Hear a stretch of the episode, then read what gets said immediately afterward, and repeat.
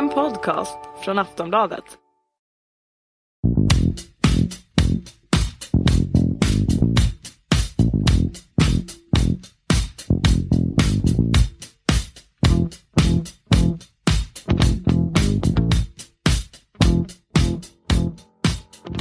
Hej och välkomna ska ni vara till Sportbladets Premier League-podd återigen. Mitt namn är Patrik Syk och med mig har jag Kalle Karlsson och Patrik Sjögren. Välkomna hit idag, gentlemen. Tack, tack, tack. En speciell omgång bakom oss. Vi hade en jättematch i, i, i City mot Chelsea som vi ska prata lite om. Det har dessutom hänt lite eh, grejer på tränarfronten igen. Eh, Som det har hänt ganska många gånger den här säsongen. Jag vet inte, jag har ingen statistik på det men det känns ju som en av de säsongerna med störst rörlighet på tränare. Eh, kanske någonsin i Premier League för att nu har ju nästan hela undre halvan på tabellen känns som bytt tränare. Eh, och den här gången var det alltså Mikael Laudrup som fick lämna Swansea efter en serie ganska eh, medi- mediokra resultat men också några lite märkliga beslut som fattats under den senaste tiden som inte har fallit så speciellt väl eh, hem hos spelarna. Patrik, kan du eh, fylla i detaljerna lite? Ja, men det det påstås är att han eh, ställde in träningar och dåligt väder, vilket är fantastiskt att göra när man är på de brittiska öarna, för då tränar man väl i stort sett aldrig, vilket spelarna kanske borde uppskatta, men det gjorde de inte. Man är ju van i England vid att träna hårt, jobba hårt och, och liksom kriga, och det stod väl inte riktigt han för. Och väder, jag menar, man spelar, man spelar fotboll hela vintern i England, det är en del av fotbollskulturen där, att det spelar ingen roll om det är, är 3-4 minus och det snöar och det blåser som fasen, man, man knallar ut där i sina shorts i alla fall. Ja, inte Laudrup. Han, han är ingen Joey Barton som är ensam på Newcastles träning i shorts när det är snökaos och alla andra har så här liksom typ burka på sig för att skydda sig. ja, precis. Eh, analys, Kalle, vad betyder det här? Vad, vad kom det här ifrån? Är det de här besluten eller är, det måste ju förstås handla i första hand om de svaga sportsliga resultaten den här säsongen. I första hand om de svaga sportsliga resultaten sett egentligen som har börjat eh, efter att de tog den där triumfen i ligacupen förra året. Eh, och över kalenderåret 2013 så var ju Swanseas form medioker. De tog 36 poäng på 38 ligamatcher under det kalenderåret och det är ju form som betyder att man åker ur ligan om man sprider ut det på över en säsong.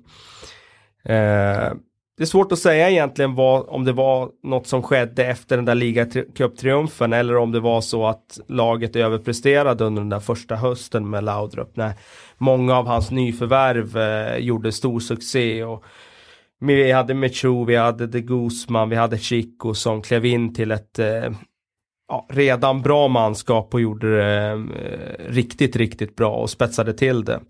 Eh, när eh, redan då när det gick bra så var, fanns det ju missnöje från spelarhåll med Laudrups träningar till exempel. Och det, ja, det, var ju, det gnyddes ju lite grann om det från spelarhåll i ett tidigt skede under Laudrups session. Men ni vet ju det, så, så länge resultaten går bra då spelar det inte så stor roll.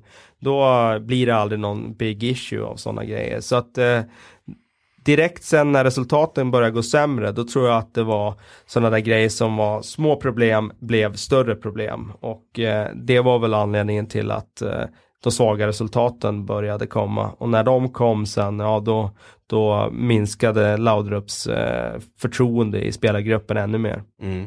Och det är, det är en spelargrupp som till väldigt stor del är ju fostrats och fogats samman utav eh, Roberto Martinez och Brendan Rodgers, liksom två väldigt taktiskt drillade, tydliga fotbollsfilosofer på något sätt. Hur har, Bri eller hur, nu säger jag, kallar för Brian Laudrup, jag har gjort tidigare den här podden, jag kallar för Brian Laudrup. Hur har Mikael Laudrup eh, kunnat förvalta det? Besitter han den är, är han den tränaren som kan komma in och, och föra ett sånt arv vidare?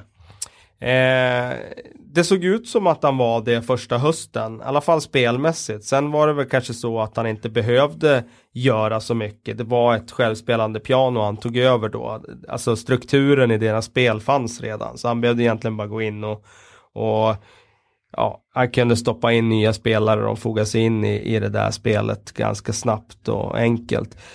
Problemet är väl att, snarare hans man management, att han skiljer sig väldigt eh, mycket liksom, jämfört med Brennan Rogers och Martinez på den punkten. Och det är väl det som spelarna har eh, ja, inte kunnat hantera. Liksom. De har haft svårt att anpassa sig till en tränare som är mer laid back och som inte kanske har eh, ja, det här, de här nära relationerna med spelarna. Och det är väl det som eh, också har varit eh, en av de stora eh, liksom, eh, kritikerna från spelargruppen.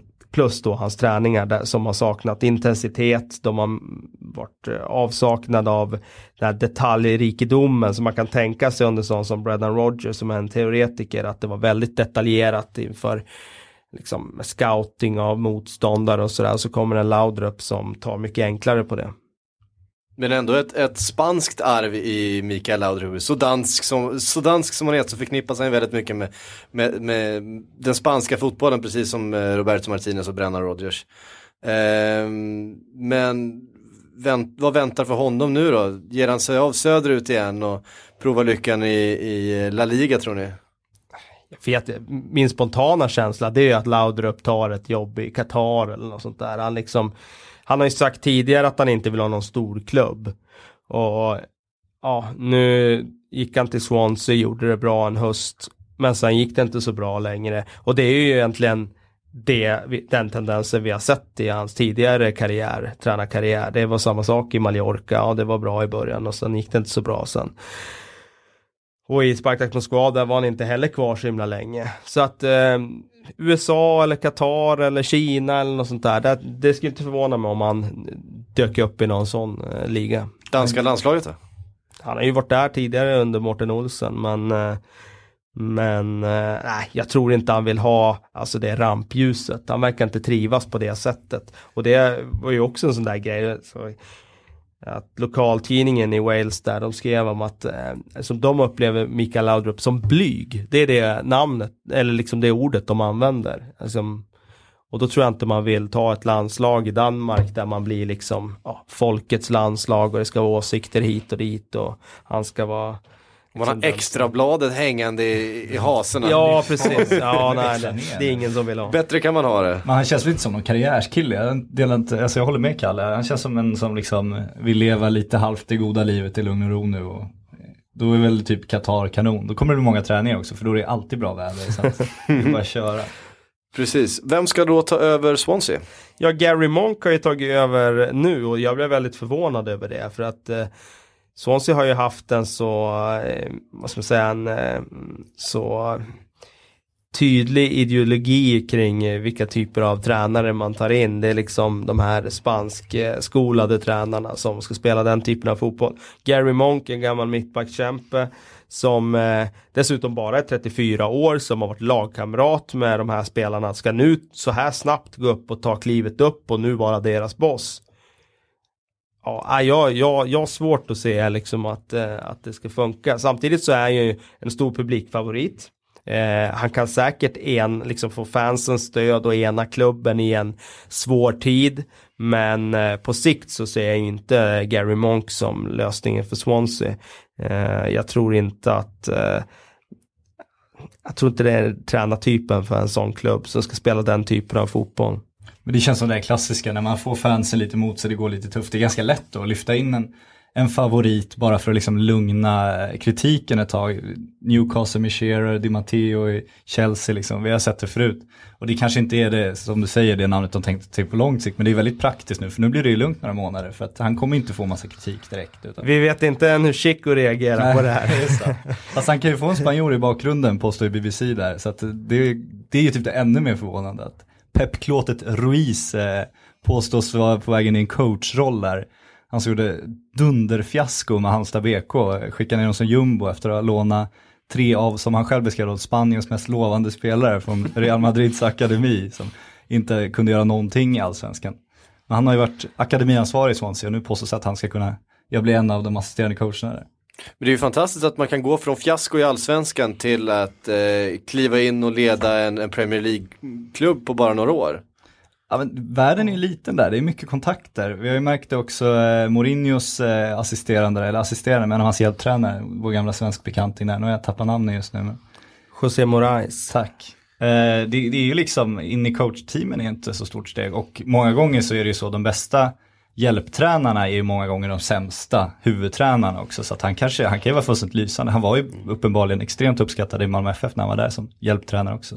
Man kan ju vara jätteduktig på alltså det träningsmässiga, lägga upp träningar och, och eh, allt det där. Och eh, sen kan man vara sämre på att ta alltså managerbesluten på spelare och, och göra värvningar och allt det där. Så att eh, ja, nej, det är två olika gebit kan man säga och det blir extra tydligt nu. Ja, vi kan ju kasta in en fråga där för att vi har faktiskt fått en fråga precis kring det där från eh, Jonte Tengvall. Han vill att vi ska prata om trenden att hjälptränare nu blir managers. Han tar upp Sherwood, han tar upp Mulenstein. Eh, det, finns, det finns flera exempel också. Eh, den här trenden att man går från, från att vara nummer två, nummer tre på bänken till att ta över ett lag. Eh, det har ju varit framgångsrik i ett par, ett par fall. Nu ser vi Mulenstein som vi ska komma in lite mer eh, på om en liten stund där har ju inte varit lika framgångsrik. Mm. Hur är det där steget? Jag tror att det är en naturlig utveckling också av att för 20 år sedan eller 25 år sedan så var det enklare för en gammal storspelare att gå rakt in och ta över ett lag direkt. Nu har tränarrollen blivit alldeles för komplex. Så att många av de spelarna som lägger av idag, de ser man, de startar på lägre nivå eller de går in som assisterande. De är medvetna om att det är komplext idag att kliva in på högsta nivå som tränare direkt från en spelarkarriär. Så att jag tycker det är naturligt att de som nu tar sig fram, tar sig fram för att de eller ja, på att de går under någon annan tränare först och sen tar sig upp den vägen och lär sig yrket bakom någon annan. Så att jag tror att det är liksom det vi kommer fortsätta se. Mm. Sen kan det ju finnas problem då om du är hjälptränare, eh, alltså i en stor klubb. Ofta har du ju en, en, annan kontakt med spelarna då. Det är inte samma liksom titta uppåt tendens utan du är lite mer på samma nivå, man kan snacka på det sättet. Då är det ju svårt då att ställa sig på den pedestalen sen och bli chefen som många gånger krävs i sådana här Premier League-klubbar och så. För de här spelarna är ju, det är barn, det kan man ju sammanfatta dem med. Det är ju bortskämda snorungar, majoriteten. Det är ju ingen snack om den saken. Och då liksom gå från den här killen de kan skämta med till att vara den som liksom som har den auktoriteten, det är nog svårt. Men just att gå den skolan bakom en annan manager kan ju inte vara någonting negativt. Liksom. Det kan ju inte vara negativt att, att gå fem år bakom Sir Alex Ferguson och se hur han gör. Du kan inte, du kan inte se att du förlorar något på det. Precis, som ju René Mulenstein har gjort. Han har följt eh, Sir Alex i många år, eh, varit väldigt uppskattad, eh, var en av, av Alex Fergusons favoriter eh, i sin stab. Tog över Fulham nu efter eh, Martin Joll. Eh, men har ju, han har inte lyckats vända det, det skeppet. Utan nu snackas det faktiskt om att, att han är på väg ut genom dörren också. Att Fulham då ska testa sin tredje manager för säsongen 2013-2014. Vi får väl se ifall det blir så, det är inte färdigt än. Men vad säger vi om René Mulenstein och det här att kliva fram ur Alex Fergusons skugga på något sätt? Ja, alltså när, jag vill försvara han lite när det gäller just Fulham för att uh, man konstaterar ju redan i höstas att den truppen är ju inte bra. Men de har ju Steve Sidwell. Ja, men det räcker inte. Eh, du får jämföra Steve Sidwell med vad de andra klubbarna har på centralt mittfält och sen får du fundera på om han verkligen är bra i jämförelse med vad andra klubbar har och då tror jag du kommer komma fram till Han har ju rött hår och skjuter hårt. det måste man ju gilla. Steve Sidwell. Nej, jag älskar Steve Sidwell. Ja, jo, jag märker det. Nej, men han är väl en okej okay spelare sådär, men det är ju ingen spelare som gör skillnad i Premier League, det tycker jag inte. När det gäller eh, Fergus arvingar så är det ju väldigt få av dem som har lyckats. Och eh, det blir ju ofta sådär eh, jag tror att alla känner det, alltså bara om, säg att ett eh, allsvenskt lag skulle värva en tränare och så skulle, vi vet ingenting om den här personen, ingenting, men vi, det enda vi vet är att ja, men han har varit andra tränare under Sir Alex i Aberdeen låtsas vi som. Då skulle alla säga, åh jäklar, det är en jättegrej liksom. Men vi vet ingenting om eh, liksom. Han kanske satt ut koner. Ja precis och jag menar jag tror också det finns en aspekt i att om du är under just Sir Alex. Så visst, du, du får se hur han jobbar men du kanske inte får ta så mycket ansvar själv. Mike Phelan påstod ju att han var manager eh, snarare än Ferguson de sista fem åren. Men det sätter jag ett stort frågetecken till.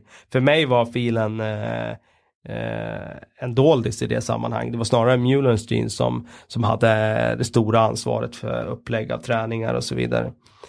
Eh, men nej, det har ju varit tufft för dem. Den enda egentligen som har lyckats hyfsat, det är ju Steve McLaren. Som ändå vann titeln i Holland där och han tog sig ändå till Englands landslag. Så gick det ju inte så bra där, de missade ju EM då under honom. Men eh, i övrigt är det ju fiasko för många. Carlos mm. Queiroz till exempel. Steve Clark eh, var ju bakom eh, först Mourinho i Chelsea, sen eh, tillsammans med Kenny Dalglish i Liverpool, eh, gick till West Bromwich och gjorde det ju väldigt bra i början. Mm. Eh, men fick kanske lite oförtjänt sparken. Ja, även, jag tycker att det var oförtjänt. Jag tycker att han kan ha fått mer tid. Eh, tidigare i, i höstas här. Men det var väl ändå eh, någonstans där som den här lilla trenden, om vi nu ska prata om det som en trend eh, i brittisk fotboll, att det var lite, i alla fall dåligt uppseendeväckande att, att kliva från från eh, bänken bakom eh, Kenny Dalglish och ta över ett eh, West Bromwich då. Ja, då ska vi ändå komma ihåg att Steve Clark har ju varit, eh, han var ju ingen duvunge som Nej. spelare. Han har ju en lång proffskarriär bakom sig. Dessutom så hade han ju så otroligt många år bakom sig som andra tränare så han har verkligen förtjänat den chansen. Och det mest förvånansvärda i hans fall var väl egentligen att han inte fick chansen tidigare som manager. Faktiskt. Mm. Eh, René Mulenstein då, blir han kvar i Fulham? Kan han, han har ju faktiskt värvat bra. Han har i alla fall ett godkänt vinterfönster när han har fått in Mitroglou eh, från Olympiakos. Holtby. Och, och mm. eh, Holtby också faktiskt. Eh, ett väldigt bra eh, vinterfönster utav Fulham. Kan, kan de vända det här? Eh, det känns ju som Holtby och, och eh, Mitroglou är inte spelare som spelar Championship nästa år.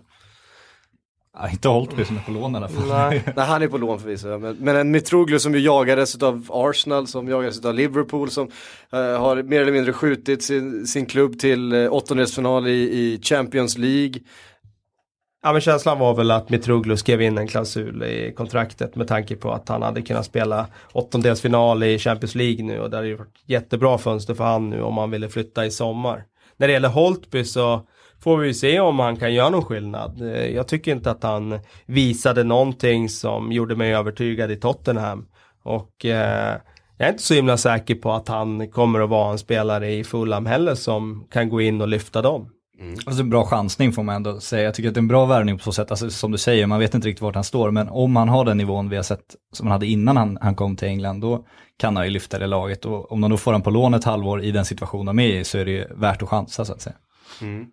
Tottenham, där har vi ytterligare en, en tränare som har gått ifrån att vara på den assisterande sidan till att ta över laget helt och hållet till Sherwood. Eh, hur har han lyckats så här långt? Eh, resultaten har ändå varit positiva sett till hur det var på slutet före. Precis han kom in då sista tiden med André Vias Boas som var ganska dyster för, eh, för Tottenham-supportrarna. Eh, vad ger vi honom för eh, prognos här framöver? Ja, det är ju väldigt svårt att säga faktiskt. För att det känns som att han hade lite smekmånad där i början. Resultaten gick med han och sen har han väl fortfarande det där frågetecknet kring sig om man är tillräckligt taktiskt skolad för att vara flexibel som manager på, på den här nivån. Så att eh, man, man, kan dra parallellen till Mourinho som, som verkar alltid hitta rätt matchplan beroende på vad det är som väntar jämfört med Sherwood som ja, kanske går ut och kör sitt race med sina två anfallare, sitt raka mittfält. Och, Rednap style. Ja, men lite så, så får det bära eller brista. Och ibland bär och ibland brister det. Och därför finns det ett frågetecken kring han fortfarande. Vi får se här fram i vår hur det går med det. Jag tycker aldrig han kände som deras, alltså det känns som de planerade så väl innan sin framtid och hur de skulle göra, vilka steg de skulle ta. Det känns som de hade en väldigt tydlig plan och sen blev det ju lite panikbeslut med Vias Boas och jag tycker fortfarande Sherwood känns som en kille som liksom, en sån här fan pleaser. De tar in honom för att liksom köpa sig lite tid och okej okay, han fick kontrakt över nästa år men man kan ju ifrågasätta hur hög lön han har och liksom hur svårt det är att sparka honom egentligen då. Så jag tror att de eh, har alla ögon öppna efter en, en ersättare redan i sommar.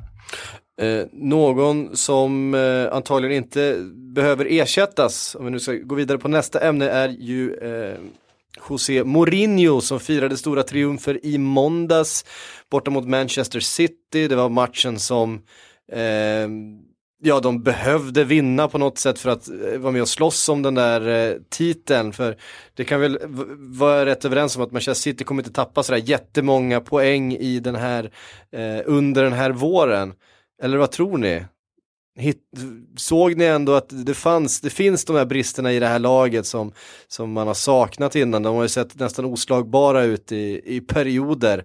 Eh, det fanns ju ett, ett litet hål där på mitten där Mikelis eh, snurrade runt där man saknar en Fernandinho till exempel. Ja, han eh, saknades ju enormt. Det var ju ingen tvekan om det. Och man såg det väl kanske framförallt, kanske inte i försvarsagerandet bara, utan tycker att Citys spel som är så otroligt eh, rappt och det går så fort när de ställer om och det finns eh, två mittfältare som både kan vinna bollen, passa bollen och även driva bollen framåt. Det fanns ju inte i den här matchen, eftersom Demichelis är mer begränsad i sitt spel med bollen än vad Fernandinho är.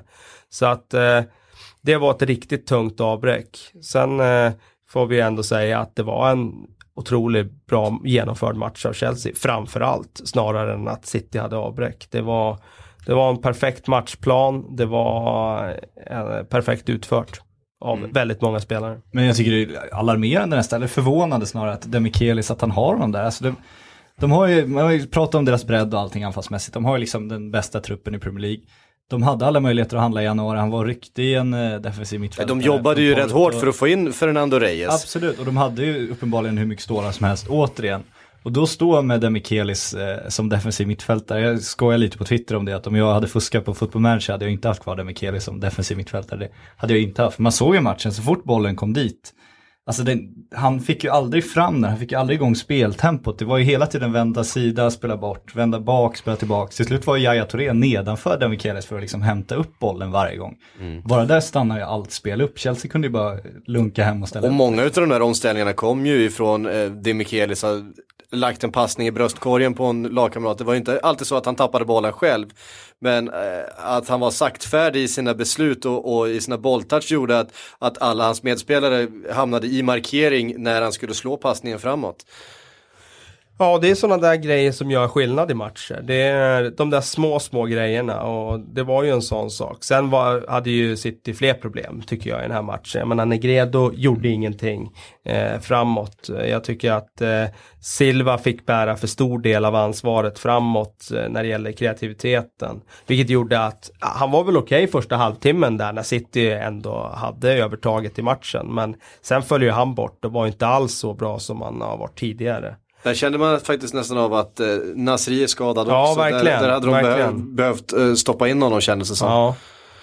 Och sen var ju Eden Hazard helt fullständigt jävla lysande tycker jag. Eh, Sjukt, sjukt, sjukt imponerad av honom i den här matchen. Det var Ja, nog Han har, han har varit otroligt bra här de senaste veckorna och de senaste omgångarna. Ja. Faktiskt även Han- mot West Ham var han, ju, var han ju briljant även om det blev 0-0. Det är lite intressant faktiskt för att eh, man hade ju känslan när han var i Lille att det här var en spelare som var någonting extra. Nu känns det ju som att han har tagit det där klivet upp nu och nu börjar han, så fortsätter han så här då kommer han ju vara uppe i den här skaran som är precis bakom Ronaldo och Messi. Eh, så pass bra är han ju faktiskt.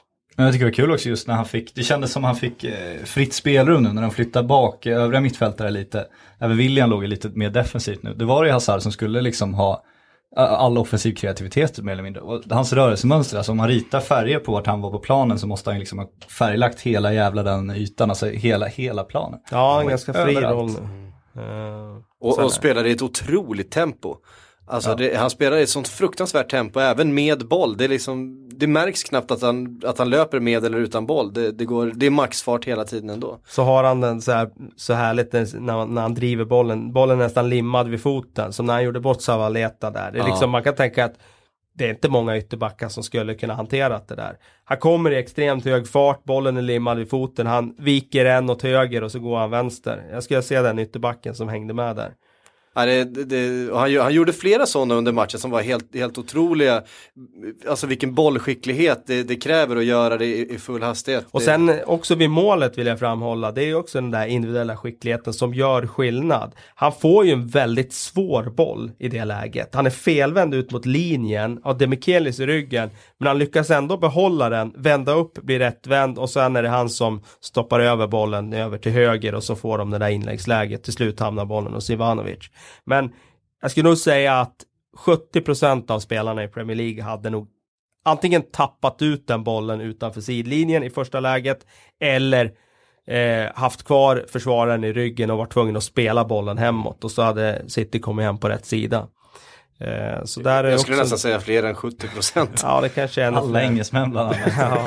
Det är väl inte 70 procent kanske. Ja, de är ju en handfull spelare som har det där spelet. Jag tycker Wayne Rooney är en spelare som har det spelet i sig. Eh, om vi nu ska ta en engelsman som, som faktiskt besitter både teknik och tempo på det sättet. Men eh, de är inte många.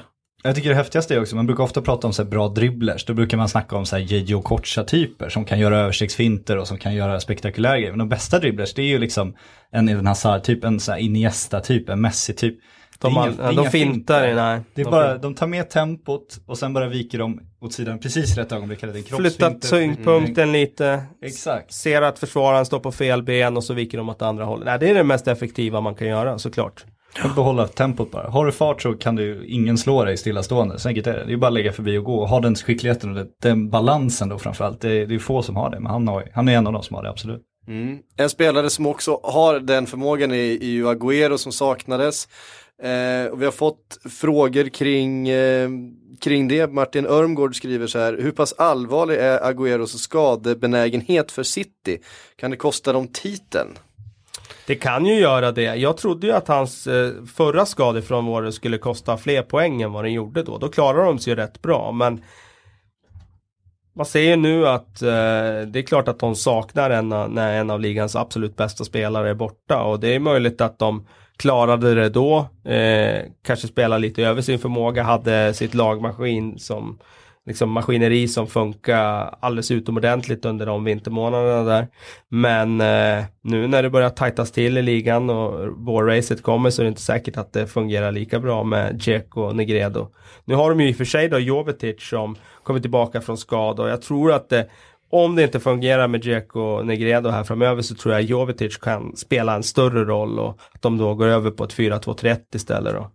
Eh, jag tyckte han såg vass ut när han kom in Jovetic. Tog inte alltid rätt beslut men han kunde i alla fall, eh, han hade en vilja att försöka skapa saker. Ja, man såg det mot Chelsea som ändå spelar med väldigt uppställt försvar. Då är ju Dzeko Negredo, det är ju inte killar som riktigt gör sin gubbe på det sättet. Och ska du slå ett uppställt försvar handlar det ju om att någon gör sin gubbe för att liksom få två mot ett läge och på så sätt nysta upp det. Och där tycker jag också Jovetic, jag håller med, han var lite, ville lite för mycket, men han gjorde ju ändå precis det. Men det var en, en, en väldigt intressant eh, detalj tycker jag. Man såg att han tog de här svåra besluten. Eh, att, a, han, han försökte sig på saker som kräver en, som var av en väldigt hög svårighetsgrad. Och det tyder ju ändå på att han har behållit sitt självförtroende och han vet att det finns där någonstans. Så han, eh, jag skulle inte bli förvånad över att han lyckas med ganska mycket på träning för att han faktiskt ska ta de här besluten i skarpt läge i slutet på en sån här viktig match. Eh, att han faktiskt försöker göra en gubbe i första touchen eh, med ryggen mot mål och sådär som han gjorde det ett par gånger. Eh, det ska bli intressant att se hur det går när han får lite fler matchminuter i, i, i kroppen och får upp tempot lite grann.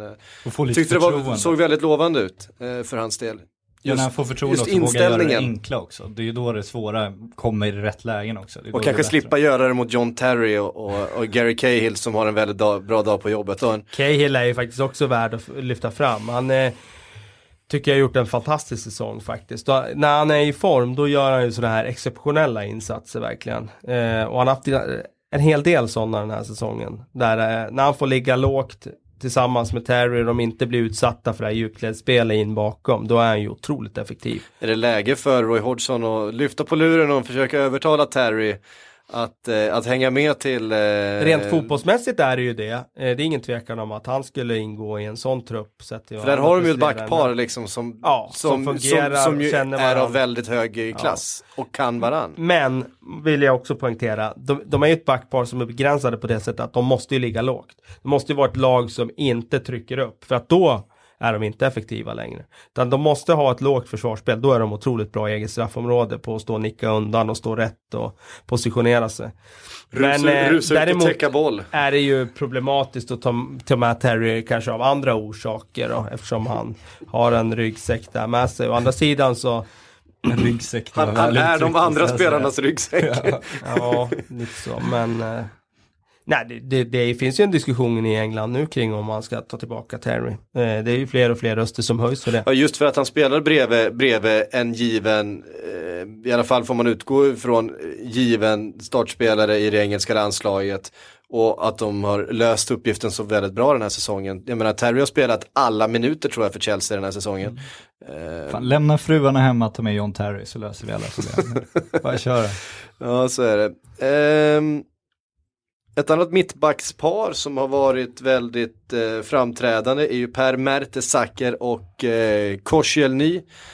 Eh, som har firat ganska stora framgångar på Arsenals eh, centrala backlinje. På lördag är det eh, Liverpool borta som gäller och starten på den här hemska 11 eh, dagars perioden när de ska möta Liverpool, Manchester United, Liverpool och Bayern München. Så fyra matcher på 11 dagar och det är ganska tuffa matcher får man ändå. Fyra gånger 90 minuter, Oliver Giroud. Gör dig redo. Bara köra. Ja, precis. Hur mycket får Niklas Bentner spela? en hel del kanske. Ja, men de har ju det, vi har ju flaggat för det i fyra månader känns det som. Den anfallsbesättningen är ju sårbar minst sagt. Det ska bli fruktansvärt intressant att se hur mycket förtroende han har för reserver där. Och, och här, här kommer ju stålbadet liksom. Det här är ju det vi har pratat om länge, att Arsenal har den här väldigt, det här väldigt tuffa spelschemat i, för det, det slutar ju inte där heller utan det fortsätter ju. Det kommer en till sån här eh, två veckors period eh, när de ska spela Champions League och de ska möta fler tuffa motståndare. Eh, skulle de tjäna på att gå på lite halvfart mot Bayern München, känna att ah, vi kanske inte löser det här ändå. Satsa allt krut på att ta den där ligatiteln. Kan man vara så cynisk? Är det bara Sam Allardyce som, som är mm. så cynisk? Ja, men, nej, men det, det, är klart man inte kan gå på halvfart i en Champions League-åttondel mot Bayern. Man måste ju satsa allt på att vinna och det tror jag också att de någonstans tror att de kan göra med tanke på att de skakade Bayern rätt rejält bara för ett år sedan. Och i och för sig såg jag Bayern här nu i, för en vecka sedan och de känns faktiskt ännu bättre i år än vad de var i fjol. Eh, vilket är skrämmande på sitt sätt. Men eh, dubbelmöte, det är klart att Arsenal måste kunna tro att de kan vinna det där och det är klart att det är otänkbart att gå på halvfart. Mm. Det finns väl en psykologisk aspekt där också. Om du går in och säger vi kör på halvfart här, alltså det skulle ju inte fungera. Går du däremot in för det helt och lyckas göra det bra, du kanske inte behöver slå ut Bayern München, men gör det tillräckligt bra kan du ju faktiskt rida på inspiration rätt mycket också. Då, det ska man inte underskatta. Det gjorde ju Arsenal i fjol. Ja. Där de eh, gjorde det bra men inte slog ut Bayern men det blev ju någonstans startskottet för den här otroligt ja, starka formen de har haft under nästan ett års tid nu. Mm, jag måste bara säga just om, om Bayern och att de faktiskt har blivit ännu bättre. Jag såg en fantastiskt härlig vid video på YouTube där Pep Guardiola håller i en träning för Bayern München och han är inte alls nöjd med deras positionsspel. Han springer runt och han skäller på någon sorts tysk-engelska och drar liksom in Bastian Schweinsteiger. Vad står du där för? Fattar du ingenting liksom? Och eh, var inte alls nöjd med hur de ställde upp sig. Och det är liksom världsspelare som eh, Champions League-vinnare, tyska landslagsmän och han, liksom, han, han hade mycket mycket att förklara för dem eh, vad de gjorde för fel och eh, sådär. Det är intressant att han, han är stenhård i sin filosofi. Men det är väl hans engagemang också, det är väl det ja. där Mikael Laudrup inte gjorde kan man väl ana. Ja, så kan man uttrycka det. det är nog en ganska rättvis beskrivning. Men du börjar den ja, där frågan med Mertesacker och Koscielny. Sen lyckades du hamna i Bayern München. Men, ja, men okay. sådär blir det ibland. Det, det är bara att hänga med. Ja. Nej men det är Spänna klart att eh, Arsenal har ju äntligen hittat sitt mittbackspar där. Det, de har inte haft ett så här bra mittbackspar egentligen sedan Sol Campbells dagar.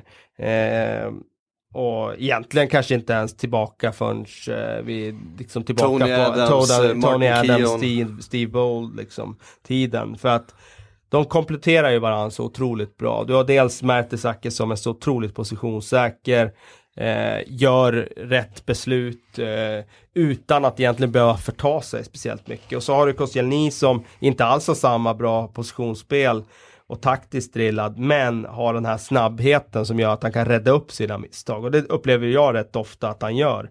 Han står fel i första läget men han lyckas rädda upp det med en eh, fin tackling eh, och det har ju varit eh, det, uppenbarligen har det ju varit eh, tillräckligt den här säsongen för de har inte förlorat en enda match när de har spelat 90 minuter ihop på år och dagar. Nej, det känns ju som att han aldrig gör några fel per Mertzacker. Han, han gör aldrig ett misstag i stort sett. Nej, jag kan knappt minnas något. Det är liksom något bolltapp här och där, men mer än så är det ju inte. Liksom misstag. eh, Det senaste jag kan komma ihåg, det var när han tappade bollen borta mot Sunderland där och de sprang och gjorde mål. Men det är ju drygt ett år sedan också, eller om det är mer än så. Eh, Men annars kan jag, ja det måste vara ett och ett halvt år sedan i alla fall, minst. Och snart lite gratis i luftrummet. Eh, Han är två ja, meter det, lång. Det är ju också en intressant grej att han är ju otroligt lång. Han är ju egentligen inte så bra i luftrummet som man kan ana att han ska vara. Han borde vinna allt, men där har han ju blivit starkare nu upplever jag än vad han var första säsongen i Arsenal. Då tyckte jag han var rätt svag i luftrummet för att ändå vara 1,98 eller vad han är. Eh, men eh, Eh, nu tycker jag att eh, han är stabil på alla sätt och nu är han ju faktiskt ett hot framåt också på offensiva fasta. Han är ju fläckfri i allt han gör också. Det här när han skäller ut Özil för att han inte tackar fansen och liksom, han, allting gör ju gubben rätt just nu. Det är helt galet. Ja, han är ot- otroligt uppskattad utav Arsenals fans också. Det är många som vill se honom med, med armbindeln. Eh, Ja, det, det ser jag som ganska naturligt nu om man förlänger kontraktet här att han skulle kunna få armbinden. För jag menar, de kan ju inte springa runt med armbinden på en spelare som sitter på bänken. Då kan, det kan man ha om det är en klubbikon liksom. Om eh, någon som har spelat i klubben i alla år och alla har jätterespekt för. Men om Thomas Vermaelen sitter på bänken med, klubb, med kaptensbindeln så blir det lite fel. Så att eh, det är nog inte alls omöjligt att han har den från nästa säsong. Arteta har ju haft armbindeln eh, ganska många gånger. Sägs vara tillbaks till matchen på lördag.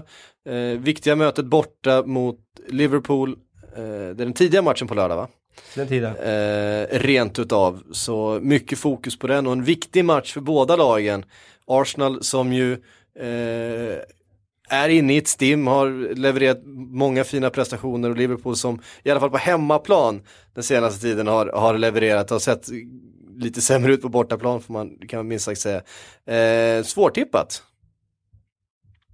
Ja, det är det ju utan tvekan. Det är alltså De, det, det kan gå precis hur som helst. Känslan är ju dock att Liverpool hade ju rätt många svåra bortamatcher under hela hösten. Nu är det ju väldigt intressant att se om de kan leverera på hemma. De har ju kört över lag på hemmaplan. Eh, ja, lag på undre halvan och lite därtill då. ja, men, men- Everton nu senast med 4-0. Precis, nu krossar de ju Everton som var ett väldigt svagt Everton i och för sig och ett Everton som dessutom eh, var lite skadedrabbat. Men det ska bli väldigt Och inte blev så mycket starkare när Lukaku fick Nej, kliva precis. ut efter en halvtimme. Nej, det blev ju lite, eh, ja, slog undan benen för dem där. Men eh, det blir otroligt intressant nu att se vad de kan göra mot ett Arsenal som eh, ja, tillhör toppen av ligan. De har ju varit otroligt bra på hemmaplan och ja, det blir väldigt intressant. För det kan man ju säga att om det finns någonting som Liverpools anfall är bra på så är det att utnyttja misstag hos motståndaren och nästan, nästan är beroende på att det är en passning som är lite kort så som man kan ställa om eh, på snabba, snabba forwards. Så intressant att möta ett Arsenal som gör så extremt få misstag. Eh, styles make fights som de säger i, i, inom kampsportens värld. Fick du sån referens också? Ja, det får man ibland. Ja, absolut. Eh, vi, eh, jag nämnde det här tuffa spelschemat som Arsenal har just nu. Eh, de har Bayern München men de har också eh, Manchester United eh, i nästa match efter Liverpool. Sen har de Liverpool igen i, i FA-cupen och sen så kommer då Champions League igång också. Hur ska de resonera här? Men jag, jag tror jag måste någonstans bara all in och hoppas att det håller. Liksom. Det känns som det enda sättet. Det är klart du kan, Men riskerar man liksom inte den här, någonstans så känns väl som ligatiteln som det, det viktigaste för dem i år när de är med där uppe och de, de har haft första positionen under nästan hela säsongen. Eh, även om, ja du, nu är de faktiskt i, i eh, ligaledning ju också eftersom eh, City förlorade mot Chelsea. Eh, man, du kan väl resonera så, liksom, du skulle kunna, vi kan vila några i FA-cupen och sådär. och- Men problemet är ju just det här att du ska ju någonstans ta med dig din form, du ska någonstans ta med dig psykologin. Och går du på rejält däng och du liksom inte har gått in 100% spelarna förstår att det här är inte, det här är liksom inte full satsning idag.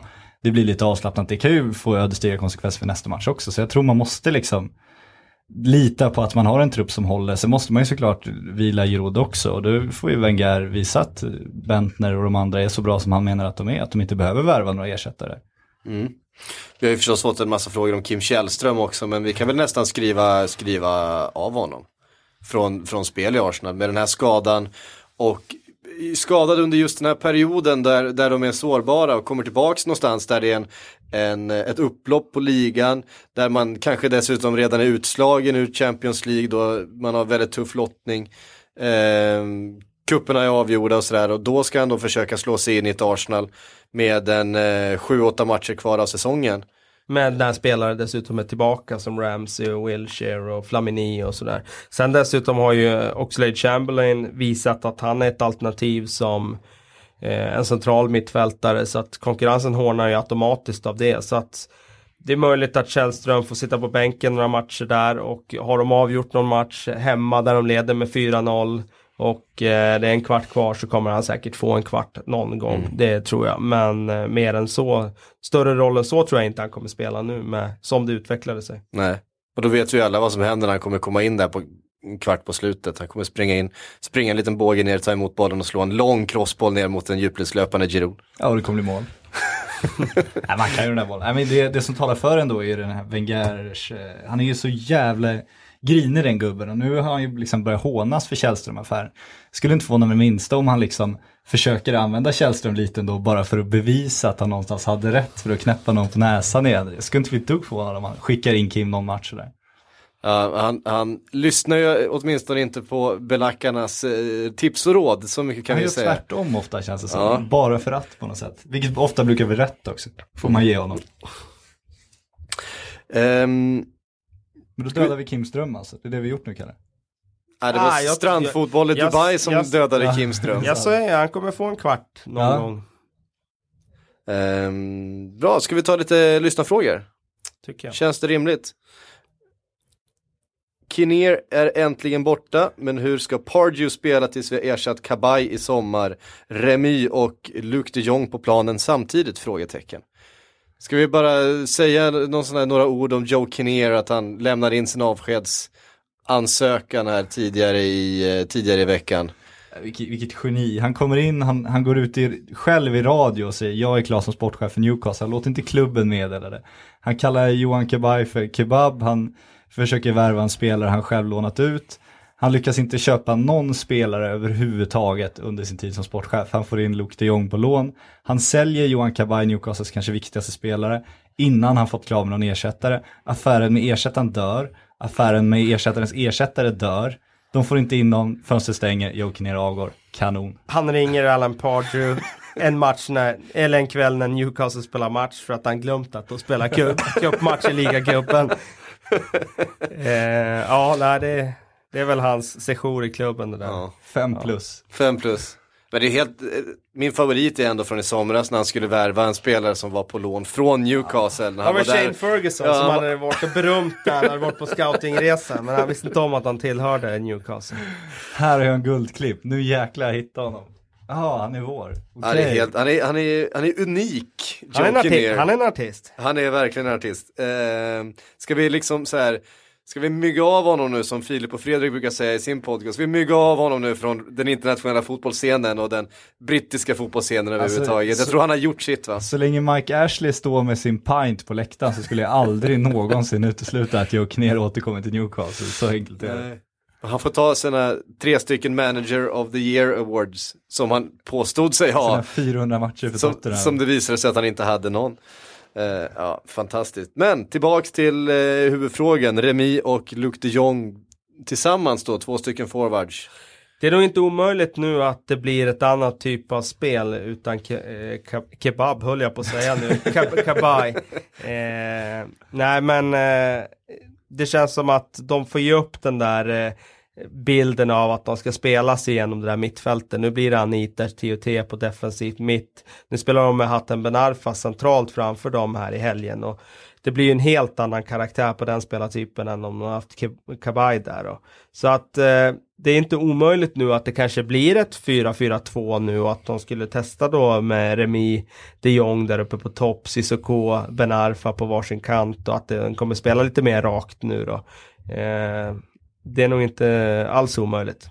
Och det känns som en rätt bra, bra startelva för det också. Alltså få upp bollen snabbare på dem, för de har ändå kreativa spelare högst upp. Få, få upp bollen på dem och, och liksom, ja, skippa mittfältet på så sätt i uppspelsfasen lite. Skulle nog kunna gynna dem. Mm. Uh, Nu var vi inne på Joe Kinnear lite snabbt här, då glider vi väldigt snabbt över på en annan fråga från Måns Johansson. Han vill att vi ska plocka ut ett dream team utanför planen uh, från Premier League, det vill säga tränare, vd, sportchef, ägare etc. Ska vi börja med vart ska vi stoppa in Joe det här? Han, ska- han ska ju förstås, han ska ju förstås vara så, ja, precis så långt, så långt ifrån alla dream teams man kan komma. Men vi börjar med manager, det kanske är enklast någonstans och det som är det profilstarkaste eh, på den här listan. För mig är Mourinho given. Jag tycker hans tack, det han gjort med Chelsea på så kort tid, man ser på Chelsea nu att det här är Mourinhos lag. Alltså det, det är nog helt otroligt hur man lyckas göra det på ett halvår tycker jag. För mig är han given. Kalle? Eh, nej, jag skulle ju locka tillbaka Sir Alex. Eh, skulle jag göra. Eh, för mig skulle jag sätta han i managerrollen. Mm. Eh, sportchef då? Det där är ju så svårt. För Det, det skiljer sig ju- ganska mycket i, i organisatorisk Ja, struktur. precis. Har du Så... Sir Alex kan du skita i Ja, precis. Det beror ju på vem du har som tränare, vem du ska ha som sportchef. Men en som imponerade väldigt mycket i sin roll, det var ju Dan Ashworth som var i West Bromwich. Eh, och sen fick en roll inom FA sen. Eh, han gjorde ju ett fantastiskt arbete eh, och hittade spelare billigt, fynd som eh, levererade i Premier League.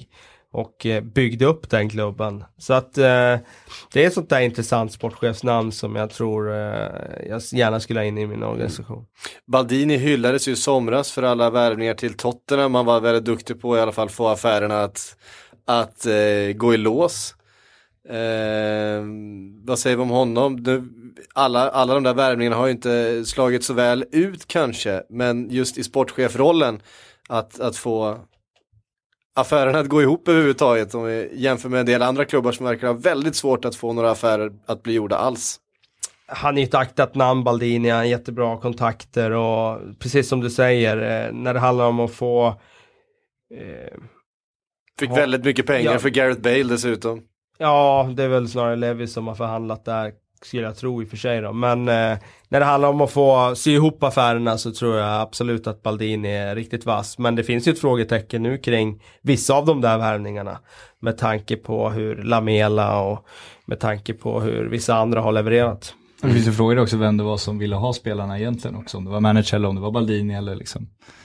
Det är också intressant, det får ju inte skära sig där. Du kan inte värva en spelare som din manager inte vill ha. Det, ju- det har vi sett hur många gånger som helst, det funkar helt enkelt inte. Mm. Om vi tittar på ägare då. Då finns det ju flera olika typer av ägare. Det finns ägare som har så mycket pengar så att eh, de märker inte ens av om de värvar en spelare för en halv miljard. Sen finns det ju andra ägare som eh, kokar soppa på en spik dagligen.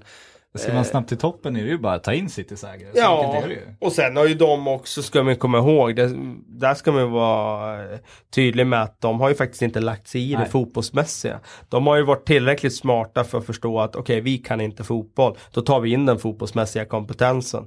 Och eh, på det sättet är de ju den perfekta ägaren. De har hur mycket pengar som helst och de lägger sig inte i. och de eh, gör egentligen, de har ju tagit rätt beslut också sett till klubbens framtid. De satsar på akademin.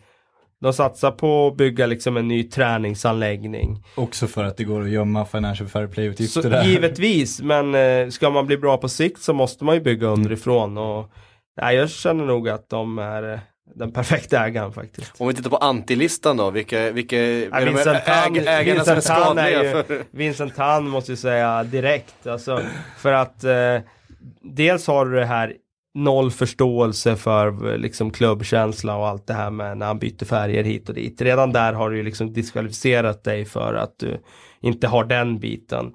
Sen har han ju dessutom visat att han har nollkänsla när det gäller andra saker också. Eh, Men han har gott om pengar och han har investerat mycket utav det. Eh, köpt en hel del spelare. Det har han gjort. Eh, så på det sättet så har han väl i och för sig då, den filantropiska sidan har han haft där. Eh, men eh, det blir ju så otroligt alltså, instabilt med en sån typ av manager, så, eller ägare som liksom är beredd att ta vilka beslut som helst, när som helst. Och hux flux. Det farligaste är ju att han inte, han har ju noll självinsikt liksom. Han, han tror ju att han vet bäst. Och det är ju livsfarligt, det såg vi med Abramovic. När det går som bäst för Abramovic, det är när Abramovic liksom håller sig i bakgrunden och, och är sitt kassavalv men liksom inte lägger sig i. När han vill gå ner och ta in en Shevchenko för att han gillar Shevchenko, då, då slutar det ju inte väl liksom. Nej. Om man tittar på ett, ägare som Glazers till exempel då som ju någonstans, någonstans har varit väldigt framgångsrika samtidigt som de har hovat ut rätt mycket pengar ur klubben också. Kostat klubben en, en massa pengar snarare än att han har hjälpt den att bygga upp den. Samtidigt så har de ju hjälpt upp Eh, strukturellt och, och, och, fått Manchester United till att bli den här vinstmaskinen som det ju är, inte bara på planen, för det kan man kanske inte hävda i år, men även utanför planen att de drar ju in ofantliga summor, eh, ofantliga intäkter på, på business-sidan eh, i den föreningen. Ja, men det är svårt det där, för är du, alltså en fotbollsklubb idag är ju ett företag. Och äger du ett företag vill du tjäna pengar på ditt företag. Det är det normala skeendet. Sen finns det olika sätt att göra det på. Alltså om vi tittar på eh, PSGs ägare till exempel. De tjänar ju pengar på PSG genom att de, de får reklam för PSG. Det är ju det de, de tar ut sina pengar på. Så kan du också göra med ett företag. Men en normalt företagsägare, han vill ju ta ut pengar ur, ur klubben i det här fallet.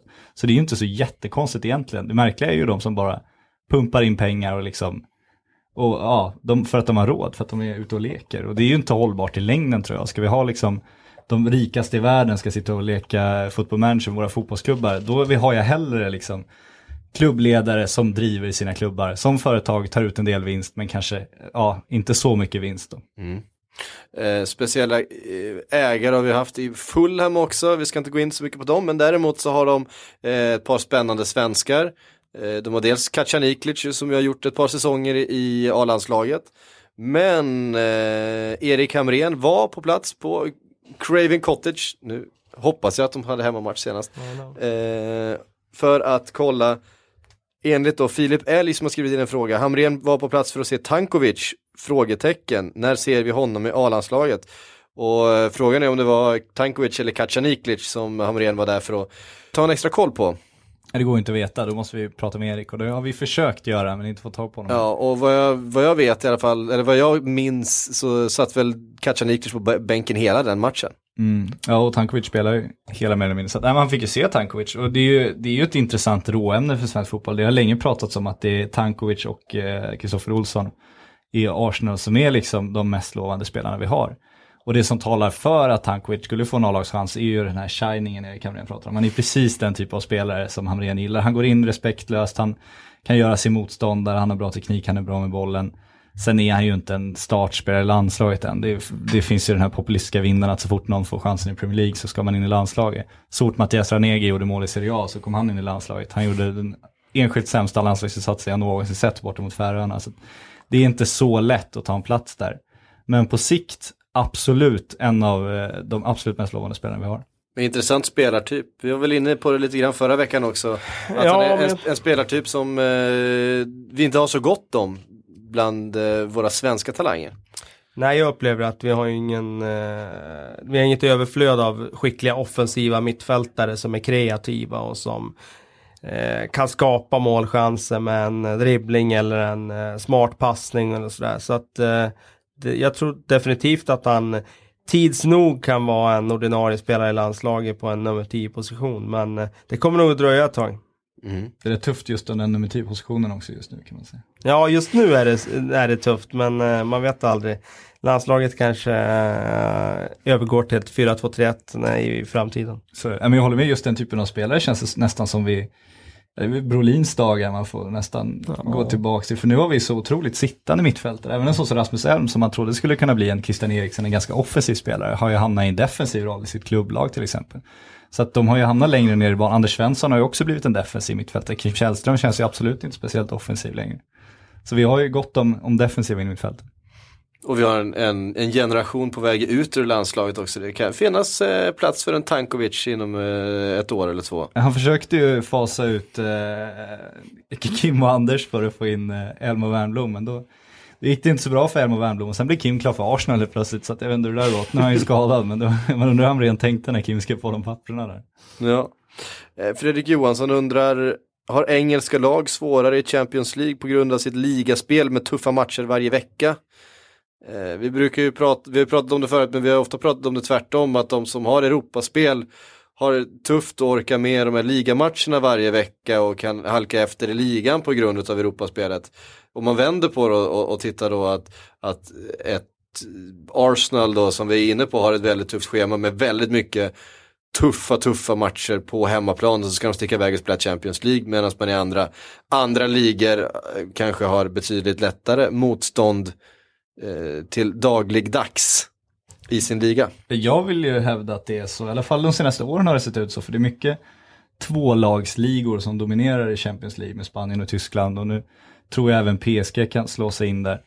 Och det känns ju som det är lättare för ett Real att ha en tuff eh, Champions League-match och sen åka hem och ha en, en ganska ja, bekväm ligamatch, får man ändå kalla det för, med sin breda trupp och sådär. Det är ju svårare för, vi pratar ju om eh, Arsenals spelschema där, det är ju inte helt lätt hur, man ska, hur han ska göra med sin trupp där. Samtidigt så har inte de en lika bred trupp som ett Real eller ett Bayern eller ett Barcelona, eller inte Barcelona ska jag inte säga nu för de har inte speciellt bred trupp längre, men ett PSG. Det är också en skillnad. Mm. Eh, intressant, ska vi, eh, vi tar en fråga till. Ja, vi, vi, vi, kör för fan, vi har lite tid kvar. Alex Fagerholm skriver så här, är Liverpool en svart häst i titelracet? Jag tror han eh, kör en svengelska på Dark Horse här. Eh, och det är de väl inte?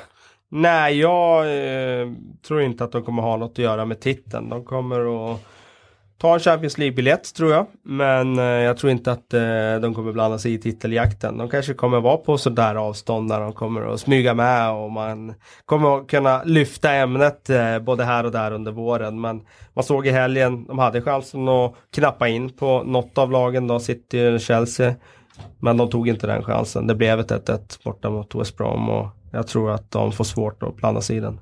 Mm. Vad tror du händer efter sommaren då? Kommer de liksom behålla Suarez och bli ett stabilt Champions League-lag och kanske utmana om titeln nu eller kommer de tappa Suarez och få slåss igen? Jag tror att det finns eh, stora möjligheter att behålla Suarez om de tar Champions League-biljetten. Eh, och då finns det väldigt mycket att bygga på. Sen eh, är vi ganska överens om att det behöver göras förstärkningar där också. De behöver få en bredare trupp.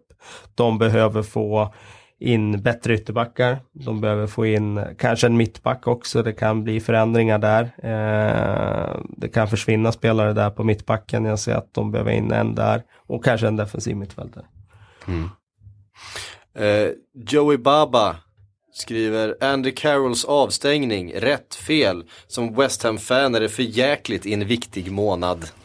Ja, det är för jäkligt. För det var ju ganska tydligt att när han var tillbaka så eh, fungerade Sam Allardyce filosofi alldeles utmärkt. Det var en lång boll på Carols panna, det var en nick ner och det var Nolan som satte dit han. Helt enligt skolboken, eller enligt Sams skolbok ska sägas.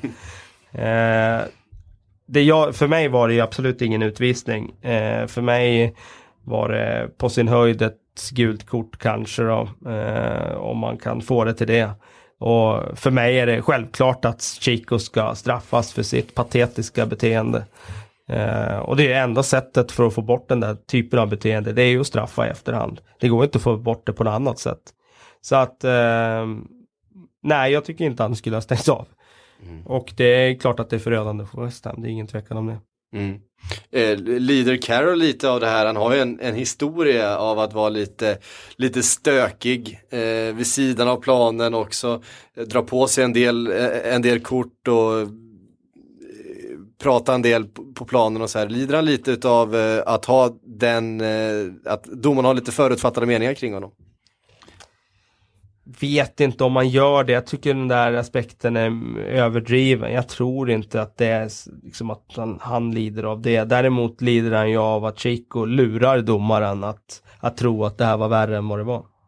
Mm. Ja, det är han som borde straffas hårdast, det tycker jag också. Det är han som fuskar. Andy Carroll kanske reagerar lite. Jag tycker att han svänger till lite märkligt med armen på ett sätt. Det gör han och därför tycker jag det kan vara värt ett gult kort ja. För, för det, av den anledningen. Men den största spelförstörelsen här är ju han som överdriver. Och jag tycker man måste börja göra det också. Alltså om du får en smäll eller en tackling och filmar och överdriver rejält. Du kan blåsa frispark och varna för filmning. Jag tycker man ska börja med det. Jag förstår inte hur det kan liksom vara en motsättning. För om du överdriver så tydligt, vad fan, det är ju det som är det värsta. Det är det som är spelförstörande. Du försöker lura domaren och hela liksom, publiken och alla på, på hela sporten. Liksom, så. I sånt här fall tycker jag är klockrent med att man måste straffa i efterhand. För att eh, det går för snabbt för domarna. Det är lätt för oss andra som har massa repriser att bedöma hit och dit. Och I det här fallet kanske det var enkelt för oss som satt i tv-soffan tv och, och se att det var enkelt eh, beslut av, av eh, domaren att ta. Men när du står där på plan så är det inte så enkelt alla gånger. Och eftersom spelarna hela tiden försvårar domarnas jobb så den enda lösningen på det som jag ser det är ju att börja straffa efterhand. Och det här Chico-exemplet var ju klockrent exempel på det. Mm. Ty tydliga besked. Ja men straffar man efterslängar i efterhand, straffar man fula tacklingar i efterhand, då ska man ju straffa filmningar i efterhand också. Vi är ju redan inne på att straffa i efterhand, så det är bara att löpa hela linan ut. Mm. Klockrent. Det var det för den här torsdagen. Eh, tack för att ni har lyssnat. Nå oss som vanligt på Twitter. Vi finns på hashtag Sportbladets PLP. Eh, annars så får ni följa OS-bevakningen som eh, Patrik Sjögren ska dra igång här. Helvete, jag ska ju nästan göra mest fotboll nu. Det ser jag faktiskt ännu mer fram emot. Är det så? Ja, ja absolut. Jag håller kvällarna. Håller Sli skeppet. Slipper du skriva curling och... Um... Slipper är fel ord, men jag får den stora äran att skriva eh, ligafotboll istället. Ja, vad härligt. Ja, vi har ju folk på plats. Absolut, ett helt gäng. Så jag räknar med att de eh, jobbar lite och inte bara njuter av den, den ryska maten och de, de fina hotellen vi har hört talas om. Mm. Kalle, vad ser du fram emot i helgen? Eh, nej men toppmatchen eh, som kickar igång helgen, eh, det är ju eh, den största godbiten. Sen eh, får vi tala andra matcher sen. Ja, det gör vi. Vi hörs nästa vecka igen. Ha det fint. Hej då!